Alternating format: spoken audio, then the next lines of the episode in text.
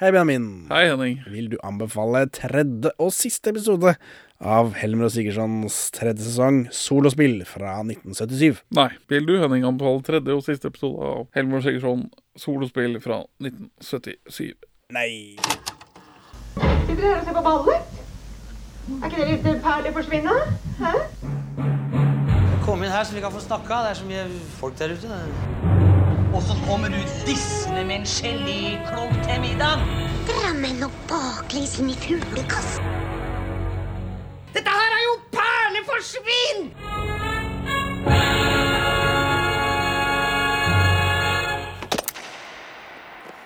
Velkommen til Perleforsvinn, podkasten for deg som ikke ennå, som norsk politi i 1977, ikke ennå har lært så mye av denne München-fadesen i hvordan man håndterer gisselsituasjoner. Vi er da middelmådige menn i 30-åra som ser norske filmperler, og på mange måter så er vi tatt gissel av Helmer og Sigurdsson. Ja, det er Dette- veldig mange måter, Ja, for dette, dette må vi gjøre en gang i året. Det er podcastloven. Har man først sett noe som første episode, så må man gjenta det ved hvert jubileum. Og det er det vi gjør. Her er vi. Dette gjør vi. Vi kunne sett veldig mye som ikke hadde egna seg til denne løsningen. Altså, det var jo for så vidt flaks. At vi kunne gå for noe glemt det er masse av over tid. Ish. Ja. Når er det vi går tom? Eh, Det er jo åtte av disse, da. Nå har vi tatt eh, fire, så vi er halvveis. Men jeg lurer på om ikke Jeg lurer på om ikke vi har glemt et år. Jeg hoppa over et år. Om i første året så var det et eller annet som skjedde. Om det var føding eller hva faen det var for noe. Ja. På deg den, gang, den gangen, tror jeg. Ja. Ja, For jeg mener de nitimemordnotatene mine var ett år gamle. ja. Dette er iallfall episode tre. Denne episoden går 18.11.1977.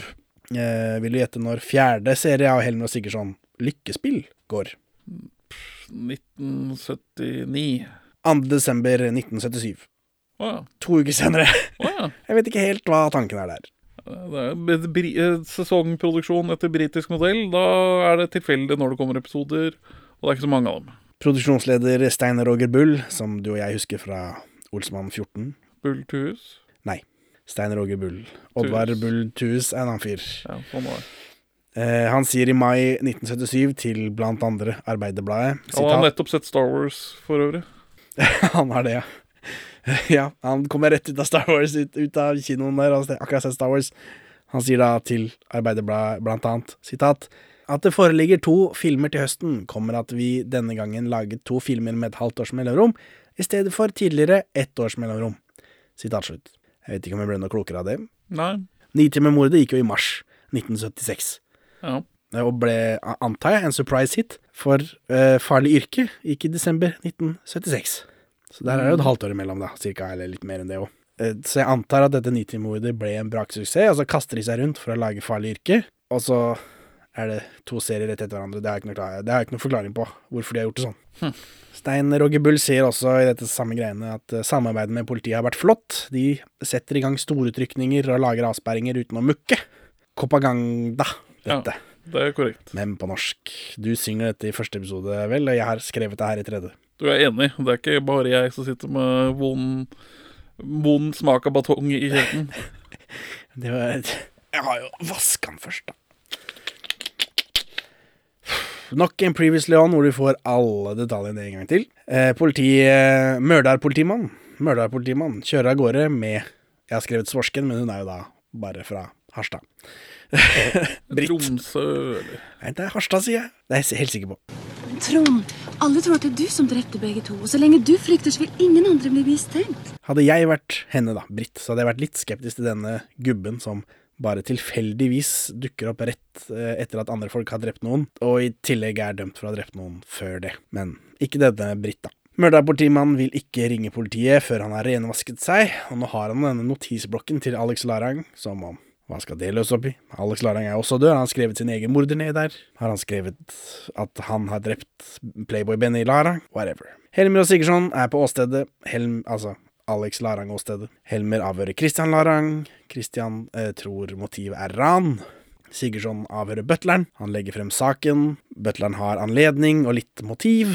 Dette er Cluedo, dette. Ja, eh, men dette er butleren som sier det. Det er butleren som legger frem saken for Sigurdsson. Og forteller at ja, ja, jeg har jo både anledning og motiv, og kunne sikkert lett gjort det, men hvorfor skal jeg drepe vennen min? Han er jo mest sannsynlig tilgodesett i testamentet, sier han. Er venner og koner, de er alltid trygge fra drap. Absolutt. Og så er vi i denne hallen, i hallen der. Hele slekta er samlet.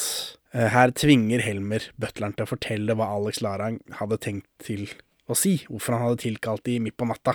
Han eh, ville trekke seg ut av rederiet og gjøre alle arveløse, sier eh, butleren. Men nå tror jeg ikke det er lov å gjøre noen arveløse i Norge lenger. Jeg vet ikke åssen det var på 70-tallet. Nei, altså Men det er jo disse prosentene, da. Det er ikke Hvis du har Han har jo sikkert veldig masse penger. Hvis han, man bare får prosenter av det, så Ja, blir det sikkert ikke så mye. jeg, tror det, jeg tror man sikra opp til en viss mengde G. av sånn er nå. Er det sånn det er nå, ja? Ja, det kan hende. Jeg vet Det er fall folketrygdloven, liksom. Hvis det er masse penger, så er det opp til så og så mange G, og så kan du skrive bort resten. Men uh, virkeligheten bør jo ikke gå i veien for god historie. Ja, ja. På gartneriet så ser uh, dama Molly at denne mørderpolitimannen er etterlyst. Det er 25 000 kroner i belønning også. Dead or alive, antar jeg. Hun skulle jo ta ansvar, da. Knekka han ned. Eller er ikke det, det er ikke Dead or alive i Norge? Nei, Nei. Så er vi hjemme hos Helmer. Han er sur fordi han ikke finner håndkle, og kona skal dra på jobb. ja, Og han skal sitte alene med kaffen. hva, hva er dette? Hvorfor, hvorfor er han så Altså, jeg vet at han er mann, altså, De trenger å etablere at den, dette er en kvinne som har et arbeid å gå til. Fordi den jobben at- senere er noe. Men at det er noe nytt for han, da. At han har ikke helt klart å bli Han trenger fortsatt bleieskift, da. Selv om kona har fått en ny jobb. Ja, eller altså, han vet, ikke, det, jeg vet ikke hvorfor han trenger henne til å sitte og se på at han drikker kaffe. For han får kaffe, og så skal, sier hun ja, da går jeg. Og så sier han hva, hva med meg, da? Skal jeg sitte her alene? Han vil jo drikke kaffen sammen med partneren sin, og det er ganske mange som liker det. Ja, så hyggelig, men at hun skal sitte der som pynt og se på at han drikker kaffe. Hun sier det er brød i brødboksen, maken til kjerring, hun skal jo lage mat til gubben. Sånn er det iallfall hjemme hos meg. Her skal du være hjemme, og så skal du lage mat, og maten skal være varm når jeg kommer hjem fra arbeidet, når jeg kommer hjem fra podfabrikken. Du, du skal, skal på jobb, du? Ja, jeg er formiddagsvakt. ja men skal jeg sitte her alene Ja, da? Det er kaffe på kjelen, brød i brødboksen, smør i skapet og pålegg i kjøleskapet. Hvis du ikke greier det, så kommer Thomas inn fra skolen om noen timer. Så kan du få han til å hjelpe deg. Hvordan? Sigurdsson er på gartneriet da, for å arrestere denne politimorderen, men der ligger det bare kål i senga. For de har jo liksom Å, her ligger det Å, så mye klumper det ligger under dyna her. Det er sikkert vår morderpolitimann. Så tar de av dette dramatisk, og så er det bare masse kålhoder. Og enn så lenge så har jo denne serien vært lav på frukt- og grøntfronten. Eh, Det eneste jeg har reagert på noe snakk om mat, har jo vært at eh, denne familien sutrer over at han ikke byr på ordentlig champagne, men kjip sherry. Men det er liksom ikke helt denne eksotiske eh, maten og frukten som jeg vil ha, da. ja, eller frukt og grønt bare generelt. Det syns jeg er viktig for uh, Helmer og Sigurdsson. Ja, det er en running håpet gag. Ja, for oss, ja. Men jeg hadde håpet at det var det for de som skrev dette også. At de Ja. har tenkt på det. Men det tror jeg ikke. Nå, nå har pizza kommet, og kiwi Det er liksom det er masse ting du kan pushe. Ja, Ja, Tacoen kommer ikke før litt ut på 80-tallet, så det er litt problematisk. ja men, eh, men jeg tar, tar kål, jeg, som denne seriens uh... Gråpære. Ja. Og, Gråkål. og i Farlig yrke så er det ved reddiker han går og knasker av Sigurdsson. For Sigurdsson er involvert. Det er frukt og grønt der. Men han spiser ikke en dritt. Nei, men Han spiser litt snø på slutten. Yo. Eat shit. Det er Ja. det jeg gjør. Uh, uh, ja, og I Spøkelsesbussen, som jo er siste av dette, da Da er det vel en avokado som er det mest eksotiske som fins. De bestiller en avokado på restaurant. Ja. Skal skeie ut litt. Én avokado, takk. En halv månedslønning. Det blir 36 riksdaler. Eh, ja, ja. Jeg ble i hvert fall begynte å bli bekymra for at vi skulle bryte striken, men jeg tar den. Jeg tar kål, jeg. Håndkle? Hvem i huleste har tatt håndkle her nå, da? Stakkars, finner du ikke håndkle heller nå, da? Vent litt, da skal mamma komme og hjelpe deg. Ja, men du, ikke vær, vær sånn, da. Kom med håndkle, da. Helmer finner han fyren som var stand-in til eh, mørderpolitiet. Han med blomstene den gangen Ja. for, en, eh, for en episode siden. Eh, han driver visst en båtplass. Helmer vil ha kontakt med mørderpolitimannen, selvfølgelig. Stand-in sier at mørderpolitimannen aldri har drept noen, og det vet vel Helmer også, siden han kjenner fyren. Men han har jo drept denne skurken på begynnelsen, og det er jo alle enige om. mer eller mindre. Om, han, om det var med forsett eller ikke, er nå Ja, Noe. Men det er glemt, da. Alle har glemt det. På magisk vis så viser det seg at Christian Larang har båt på båtplassen, hvor denne stand-in Jeg vet ikke om han driver det, eller om han jobber der. Um, han har båt der, og han er der nå. For han er der hele tiden, sier stand-in. Han elsker båten sin, for sånn driver jo sånn båtfolk. Ja. Men det er lat historiefortelling å bare tilfeldigvis ha et av disse uh, mistenkte på denne plassen. Deus Ex båtmaskina. Ja, Nei, det flyter ikke så bra. det gjør ikke det. For han Men vi får jo heller ikke vite hvordan han vet hvem han er, annet enn at han ga jo personalia sist, tror jeg. Jeg tror han ga ekte personalia også, den oppe i leiligheten den gangen. Så det kan hende at han bare syntes det var mistenkelig, og at For det var det jo, men, men vi, hadde blitt, vi hadde hatt godt av å bli minnet på dette, da. Men, ja, men i det hele tatt så sliter hele denne episoden her med at uh, det er, det er jo ikke noe spenning. Det er bare sånn ja, Nå skal folk gå rundt og snakke med folk til man kommer til slutten hvor det nøstes opp. Nei, men folk skal gå rundt, og så treffer de tilfeldigvis de folkene de trenger å snakke med, og så skal de snakke med folk. Det er det også var litt vanskelig. Her får vi igjen vite at kona til Christian rir. Det hender hun rir innom Det er ulykke å snakke om hest om bord på båt. Har du hørt om dette før? Ja, det, jeg var på Madla, jeg, vet du. Der var det mye Snakk om hest. Det var ikke lov å snakke om hest, og det var ikke lov til å plystre i leiren, fordi leiren var en båt. Det er ikke lov å plystre på båt. Eller det er ikke lov å plystre på ubåt. Hvorfor ikke det? Uh, det er ulykke. Ja, Det er ikke lov til å ha med seg sekk. Det er ikke lov til å snakke om hest. men øh, hvordan håndhever de dette? Hva er straffen? Tabu. Jeg tror du får sånne militærstraffer. At du må vaske mer av bæsjerommet på ubåten om du Men det er ikke lov med kvinner om bord øh, heller. Det er også tabu, er det ikke det? Eller har de slutta med det? Jeg tror, jeg tror akkurat det tabuet har de jobba hardt for å fase ut. Så da kan Og- du fase ut de andre også. Ja, Hester inn i leiren. Og så så du vel fordelen at nå slipper vi nå, nå, Det er mye gøyere å seksuelt trakassere kvinner enn det er å seksuelt trakassere den mest feminine båtmannen. Det er sant. Ja, nei, jeg vet ikke om det er gammel overtro, men å snakke om hest om bord i båt, det betyr ulykke, det. Helmer eh, snakker med Christian, da. Han har løyet om hvor han var da Alex ble drept. Han har tenkt å selge rederiet, så derfor løy han. Og så kjører han rundt, for han liker ikke å treffe familien mer enn nødvendig, så han kommer nøyaktig presis. Han var på skitur da Lars Andreas Larsen ble drept, men ikke i den skogen, sier han. Og så driver denne mørderpolitimannen og løper rundt i Oslo til den sirkusmusikken til Eglemann Iversen, som jeg ikke liker, og det ser dumt ut. Ja. Tipper han har glatte sko, fordi han løper på sånn rar måte. Eh, Han advarer Britt, som jobber som barnehagetante eller noe sånt noe. Det er lov å si i 70-tallssammenheng, for det gjør de her. Eh, ja, jeg vet ikke hva man sier engang. Nei. Hun er personalet på barnehage. Han advarer Britt om at eh, politiet er etter dem, og så drar de sammen. Helmer og Sigurdsson er på denne hytta. Han, de tar tida på en fyr som går på ski, og så på en fyr som kommer til hest. Og så viser det seg at både Christian og Topsy hadde rukket å drepe Lars Andreas på denne, i den tiden de ikke kan gjøre rede for seg. Den tiden de ikke har vitner. Jeg vet ikke om disse rekonstruksjonene kan benyttes i retten. Nei, men det er jo bare for å finne ut om det er noe vits å plage de mer, tror jeg. Morderpolitimannen drar innom kona til Helmer på jobb, og gir henne en side fra notatboka til Alex Larang. Og på politikontoret så får vi vite at hesten til Topsy ikke har vært ute den kvelden. Pam, bam, bam. Så kommer kona med denne sida, da, det arket, og så er det snakk om falske papegøyer igjen. Aspelund, denne disponenten som tok livet av seg, han hadde kjøpt aksjer i Larang Shipping for penger som han lånte av Lars Andreas. Her kommer det. Dette her er knotete. Dere som hører på, kan spole i hvert fall 30 sekunder fremover. det er ikke noe å si.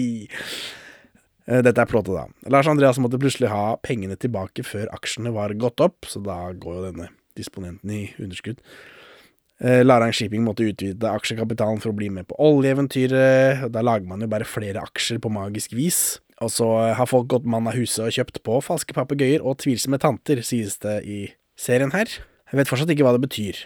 Om Larang Shipping har fått penger av tvilsomme tanter, så har de jo fortsatt fått pengene. Det er jo tantene som er blakke. Men her er det jo også snakk om at denne Alex Larang han er bekymret for Larang-navnet. Ja. Han liker ikke at de lurer folk. Whatever. Ikke tenk på det, sier serien. Det er viktigere eh, nå å vite hvor Lars Andreas eh, Hvorfor han plutselig skulle ha disse pengene tilbake. Jeg prøvde å finne ut av dette om falske papegøyer, om det er et uttrykk. Det står ikke i avisa før serien kommer. Men etter serien så er det et bitte lite innslag som handler om nettopp aksjesmåsparere, hvor de sier falske papegøyer og tanteregninger, men antar at han som har skrevet det, bare har sett serien. Ja, det vil man jo. Ellers så dukker det ikke opp. Det kan være tæsja fra et eller annet eh, engelsk begrep, da. Man skulle jo tro det kom At det dukka opp, da. Noe sted. Hva heter papegøye på engelsk? da? Phony parrot. Fake papegøyer. Fake papegøyer. Falski papegøyer. Russisk, da.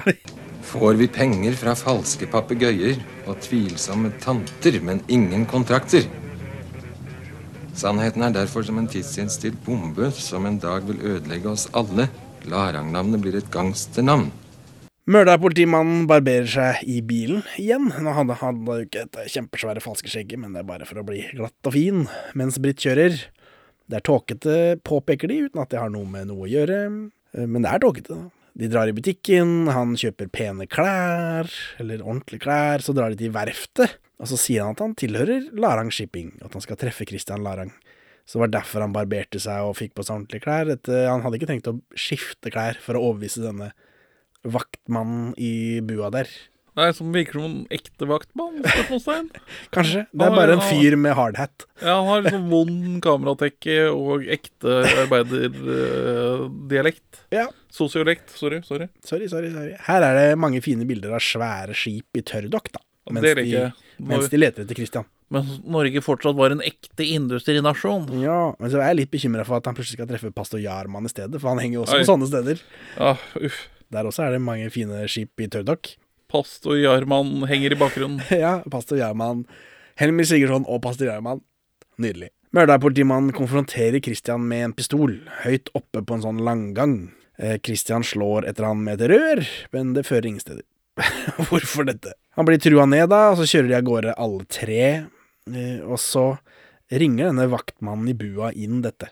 Han ser jo at han blir trua med pistol. I bilen så sier Mørdal-politimannen at Christian drepte Lars Andreas for at han ikke skulle avsløre at småspareren er blitt lurt til å sette penger i skip som aldri vil gå i vannet. Han sier at det er Christian som ringte anonymt. Christian sier at ja, det var han som ringte, men det var ikke han som drepte. Så nå vet ikke denne Mørdal-politimannen hva han skal gjøre. Det, dette var det, liksom det siste kortet hans. Helmi og Sigurdsson er ute og kjører, og så bare gjentar de hele den dritt med småsparere igjen.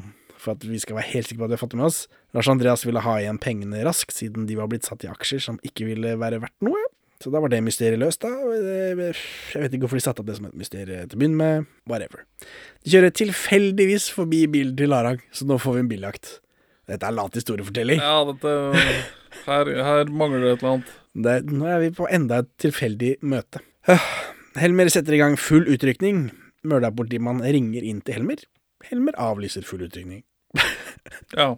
Kjempefint. På, på, på sin politikkred. Intuisjon. På hans kappe. Avlyste Ja. på min regning. Oh yeah. Her, Her, vet du hva Helmer Sigurdsson mangler? spenning, eh, plott, driv. Eh. Sint overinspektør. Ja, de har jo det, men han er jo ikke med så mye. Nei, da, men nå, nå, nå, skulle, nå skulle han vært der for å kjefte på han. For det- holder ikke at han sier at ja, du får av, avlyse denne greia på min regning. Det, blir, det får ikke den umfen om det ikke er noen som kan holde han til ansvar. Give me your gun and your badge. Shit, altså off-grid uh, Helmer. Yes, please. Herman Larang, altså denne telepatipsykologen, er hjemme hos Alex, som jo er død.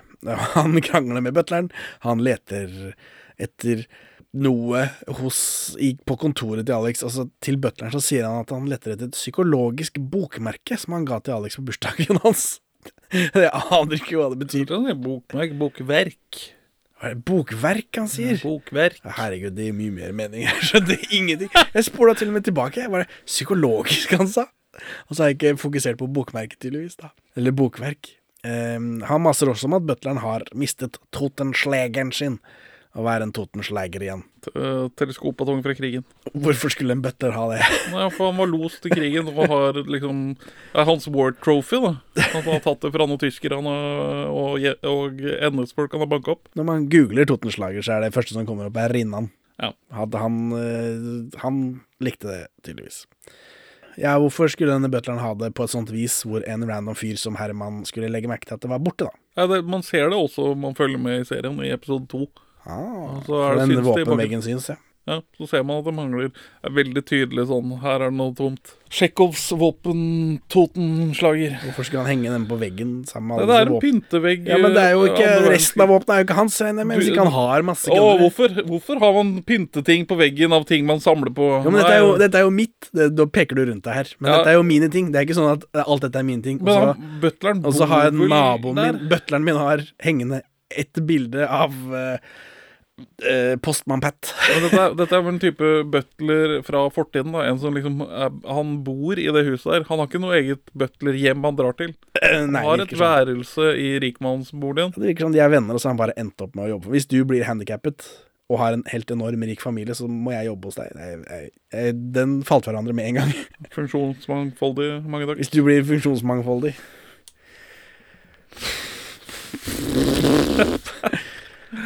Nå er vi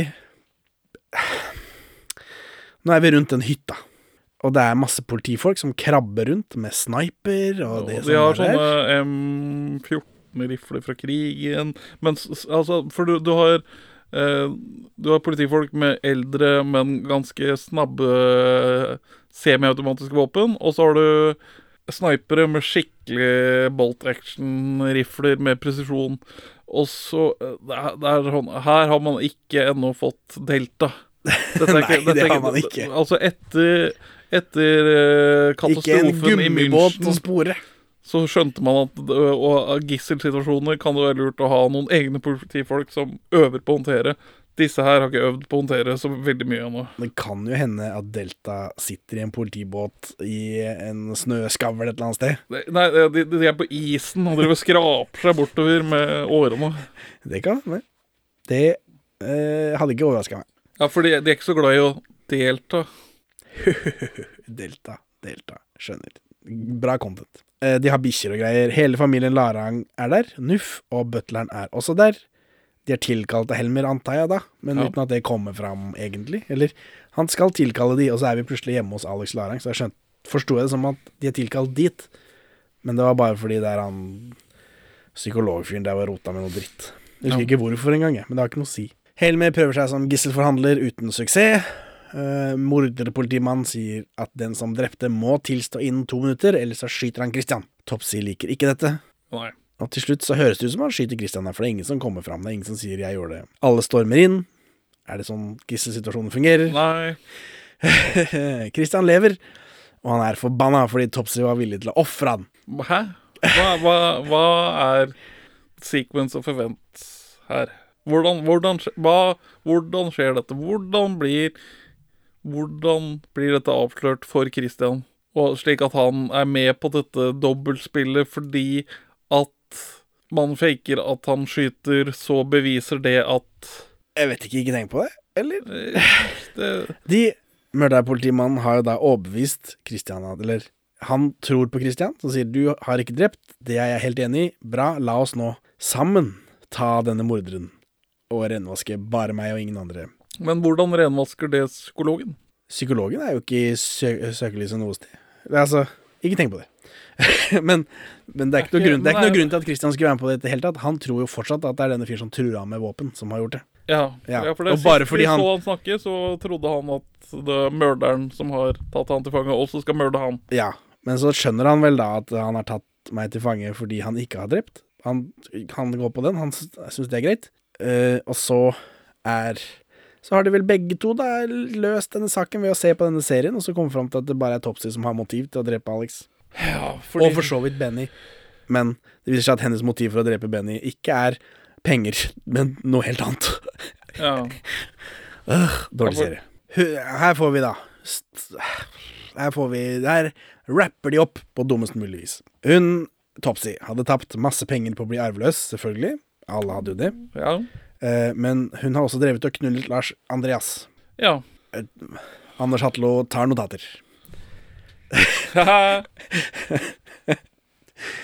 Eh, og når Lars Andreas begynner å eh, stå i med Nuff, så ble hun sjalu, så hun red opp til hytta og slo i hjel Benny. Som en sånn crime of passion? Ja, overlagt crime of passion, da. Ja, ja. Men altså sånn Hun har ikke noen Ja. Hun rir opp, ligger i bakhold til han tilfeldigvis skal ha røykt Til han har røykt opp en hel kartong sigaretter og går ut for å ta en til.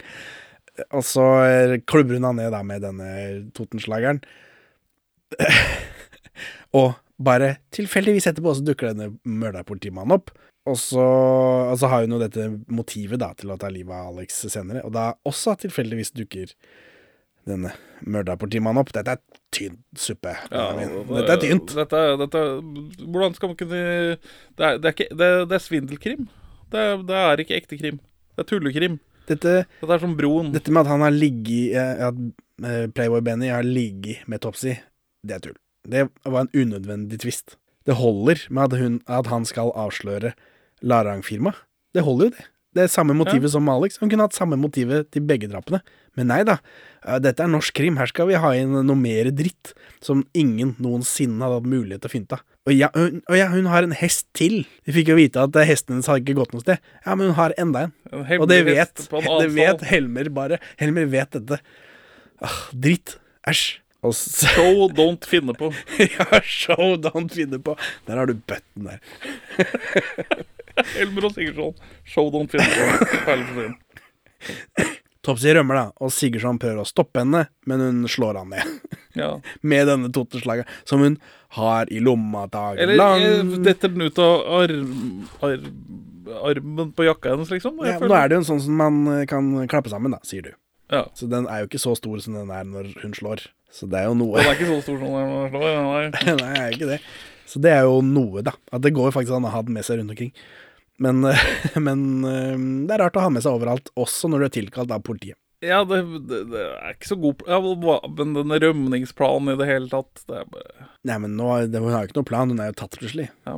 Så det kan jeg være med på, at hun bare sti, stikker av, klubber ned Sigurdsson, løper videre.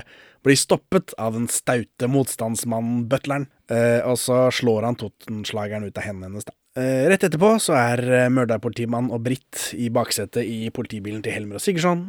Mørderpolitimannen får nok en tiltale for alt dette, så det er jo noe. Ja, det er bra. Overraskende eh, at de gidder å ta med seg det. Men han har ren samvittighet, sier han. For det er det, det norsk politi er så opptatt av. Ja. Sigurdsson blør fra huet, og Helmer mobber han for at han ikke har lag med damene. The end. Så vi slutter på en vits, da. Ja. Det er viktig. Så Benjamin, hvorfor vil du ikke anbefale denne tredje episoden? Og Nei. Helmer og Sigurdsson solospill i sin helhet. Nei, det er fordi altså, den goodwillen jeg får av første episode, som liksom setter opp noe, den forløses aldri. Det blir bare mer exposition, mer rot, mer frem og tilbake. Altså, det er masse Det, det skjer masse ting, men det blir aldri spennende. Vi får en og annen actionsekvens, men ikke bra nok. Nei, det er bare Som helhet så er det ikke bra krim. Og så får vi dette, denne svindel eh, oppramsingen på slutten som ikke henger på greip innenfor seriens indre logikk. Eh, Det er bare Nei. Det er overraskende at morderen har vært med hele tiden, da, i motsetning til sist gang, tror jeg. Den med sekretærene, hvor han bare En helt utrolig skurkete mann dukker opp i andre episode. Ja. og er skurkete. Nei, så Henning, hvorfor vil ikke du anbefale eh, solospill episode 3 og solospill som helhet? Dette har vel alle elementene til en god og eller normal krim. Stor, rik familie, tema som er i vinden, dette med shipping og offshore og sånt noe. Disgraced politimann som må renvaske seg med politi i halene. Men det er laget på så klumsete NRK-vis, da, så det svinger jo ikke på noen som helst måte. Nei. Og denne siste episoden er bare kaos. Det er jo bare en haug med tilfeldigheter og øh, dårlige plot-twister. Altså, de, de har ikke vært i beita for plot-twister. Hvorfor, hvorfor må de ha med enda flere? Det er siste episode. Det, det. Dette må settes opp på forhånd. Topsy og Benny driver og ligger med hverandre. Hvor er det satt opp? Ja, boy. Hvordan vet Helmer dette? Dritt. Gratulerer med fire år som podder. Jeg gratulerer med selvtakk, og gratulerer som, med fire år som podder, Henning. Ha det bra, Benjamin. Adjø. Takk for at du hører på Perler for svin. Vi er tilgjengelige på alle sosiale medier under ymse varianter av Perler for svin-navnene. Se episodebeskrivelsen for nøyaktig navn til ditt foretrekkende sosiale media. Men vi har egen hjemmeside også, perleforsvin.no. Her finner du episode 1 til 27, og vi har to kassetteksklusive episoder. Olsenbanden Apokryfer 2 og en hemmelig episode. For å bestille denne kassetten så kan man også se episodebeskrivelsen. Vi er også tilgjengelige på mail under perleforsvinpod at gmail.com. Gi oss en rating i din podkast-avspiller, og legg igjen en anmeldelse, så folk skjønner hva for noe tull vi egentlig driver med. Og for øvrig, legg ned kongehuset. Her er ukas Pål Bang-Hansen-sitat ute av kontekst. Hårreisende behandling.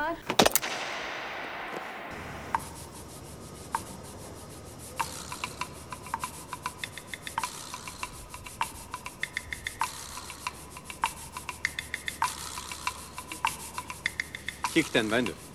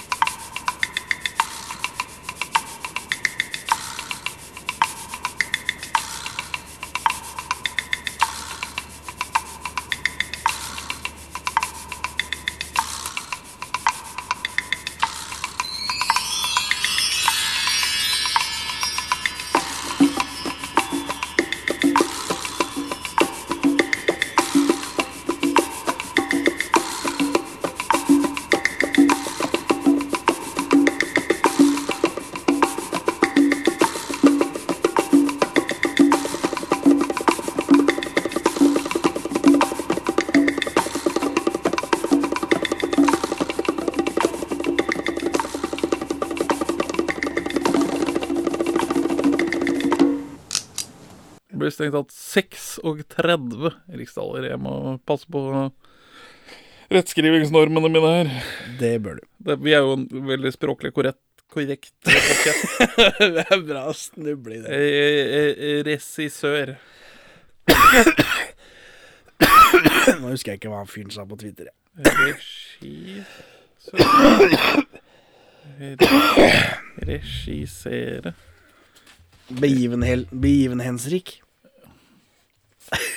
Fy faen, ass. Ja, da er du dum. Fy faen, ass. Dette Jeg håper han ble glad av det. At det ga han noe. Ja. Ja, be- berike hans liv. Ja. Da føler jeg at podkasten jo har gjort noe. Jeg bare ignorerte hele dritten. Han kan sitte der med rettskrivningsordboka si. Gå gjennom enhver setning i podcast.